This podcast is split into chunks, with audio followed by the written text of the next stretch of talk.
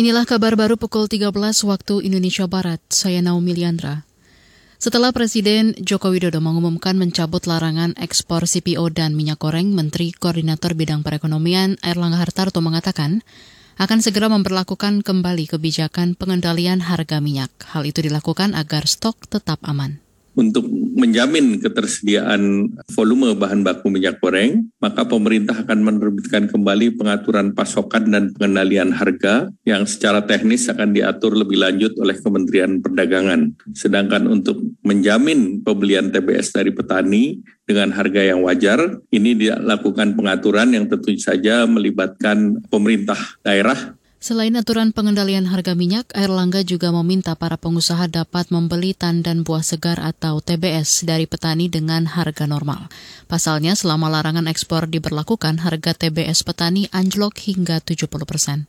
Gubernur Jawa Tengah Ganjar Pranowo memastikan dana bantuan pembangunan infrastruktur untuk desa terrealisasi dengan baik. Selama sepekan terakhir, Ganjar berkeliling ke kabupaten dan desa untuk melihat progres pembangunan jalan yang biasa dilalui kendaraan angkut. Ia mengingatkan agar kepala desa amanah dan tidak main-main dengan dana yang diberikan. Alhamdulillah hasilnya sudah bagus dan tahun ini kita akan menambah lagi untuk ke perpanjangan sekilan ruas berikutnya ya karena itu memang jalur tembus sampai ke BSB. Jadi kalau jalurnya desainnya bagus, eh, mudah-mudahan transportasinya lancar sehingga yang di kota kan Pak Wali Kota sudah mengerjakan dengan sangat bagus ya. Ketika eh, kita mencoba membantu yang di wilayah-wilayah itu. Bangunannya bagus maka saya minta kontrol, jangan ada yang ikut main-main ya. Ganjar mengatakan bantuan dana yang diberikan pada setiap desa berbeda tergantung kebutuhan infrastruktur yang akan dibangun yakni berkisar 100 juta hingga 2 miliar. Untuk itu Ganjar meminta semua pihak bekerja sama dalam proyek infrastruktur dan menjaga dana dapat realisasi dengan baik.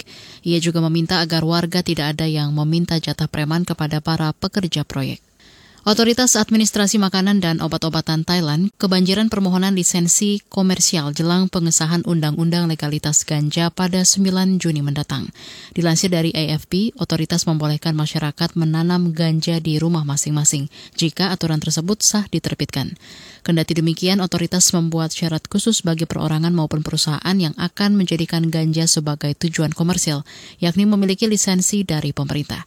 Adapun jumlah permohonan lisensi hingga saat ini mencapai 4.700 aplikasi. Permohonan itu berupa izin impor, kepemilikan, penanaman, dan produksi.